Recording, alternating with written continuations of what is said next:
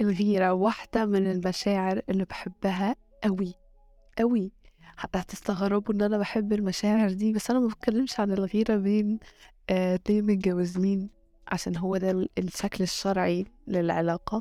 ماشي؟ عشان أنا بس بدوق على الحاجات دي. آه لا أنا بتكلم عن الغيرة آه أنت شخص غيرت من نجاح فلان الفلاني غيرت من آه من آه، فلانة الفلانية إن هي جابت بيبي ايا كان بقى في ناس بتغير من حاجات كتير ومختلفة ملناش دعوة بيها. المهم إن إحنا دلوقتي هنركز في الغيرة وأي حد هنا بيسمعني هيقول لي أنا ما بغش كذاب.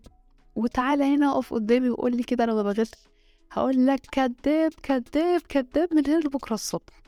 عارفين بقى أنا ليه بحب الغيرة؟ لأن الشعور ده بيحسسني أو بينبهني كده بيعمل لي ألارم.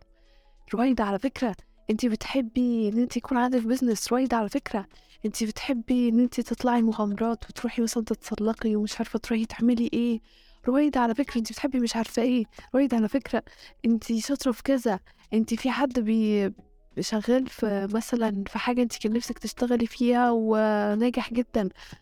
طيب عشان نمسك شعور الغيرة ونقول آه ده أنا غيران كده بتعترف لنفسك عشان أنت واضح وصريح مع نفسك عشان تعرف تكون عايش في سلام ويكون عندك راحة بال الرسالة اللي بتوصل لك لما بتغار إن فلان اللي هي مثلا خلينا نقول لينا اللي هي شخصية البودكاست عندها نعمة أنت كان نفسك فيها بس هي مش عندك.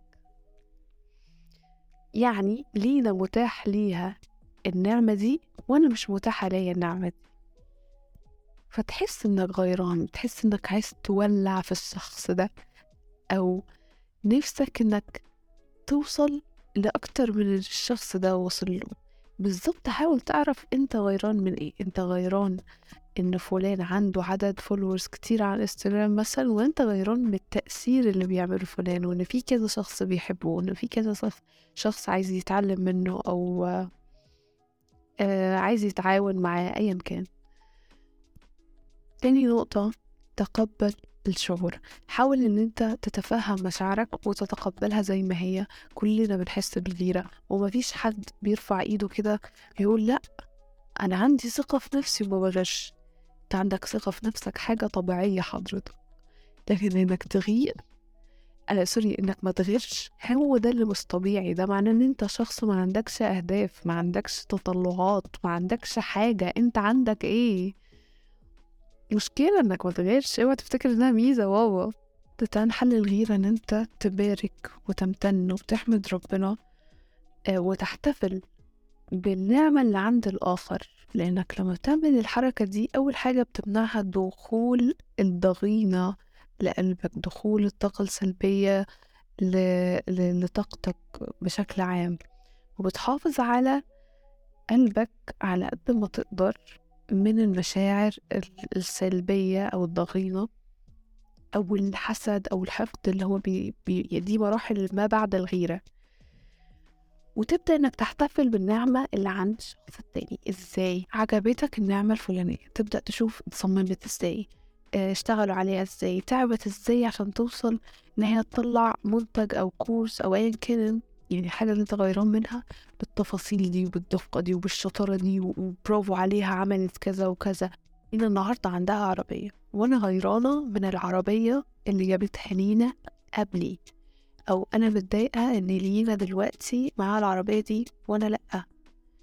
لما تبدأ تحتفل وتمتن و- وتبارك وتقول بسم الله ما شاء الله تبارك الله على النعمة اللي عند لينا تبدأ تدخل في دوامة من البركة والخير والوفر الامتنان والاحتفال بنعمة اللي أنت بتغير منها يدخلك في حالة إن الشيء اللي متاح برا أو النعمة اللي متاحة برايا دي واللي مش عندي ممكن تبقى عندي أنا كمان.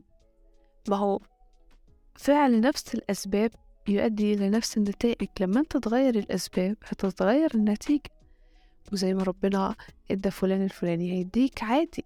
عادي ما هو هي بس الفكرة إن أنت ما عملتش نفس الأسباب فما خدتش نفس النتائج.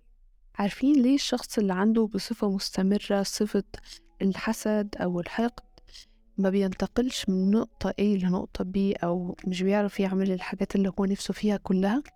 عشان هو بيفضل طول الوقت مشغول بغيره فلان عمل فلان سوى.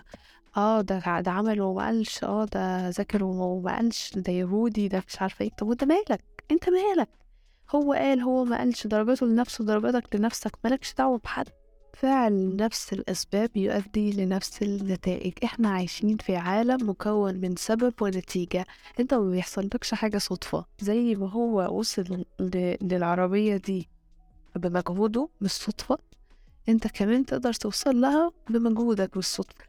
الحياة عبارة عن أسباب ونتائج. وحتى لو ربنا مانن عليه بنعمة زيادة فتأكد إن أنت مينفعش تقارن نفسك بيه أصلا.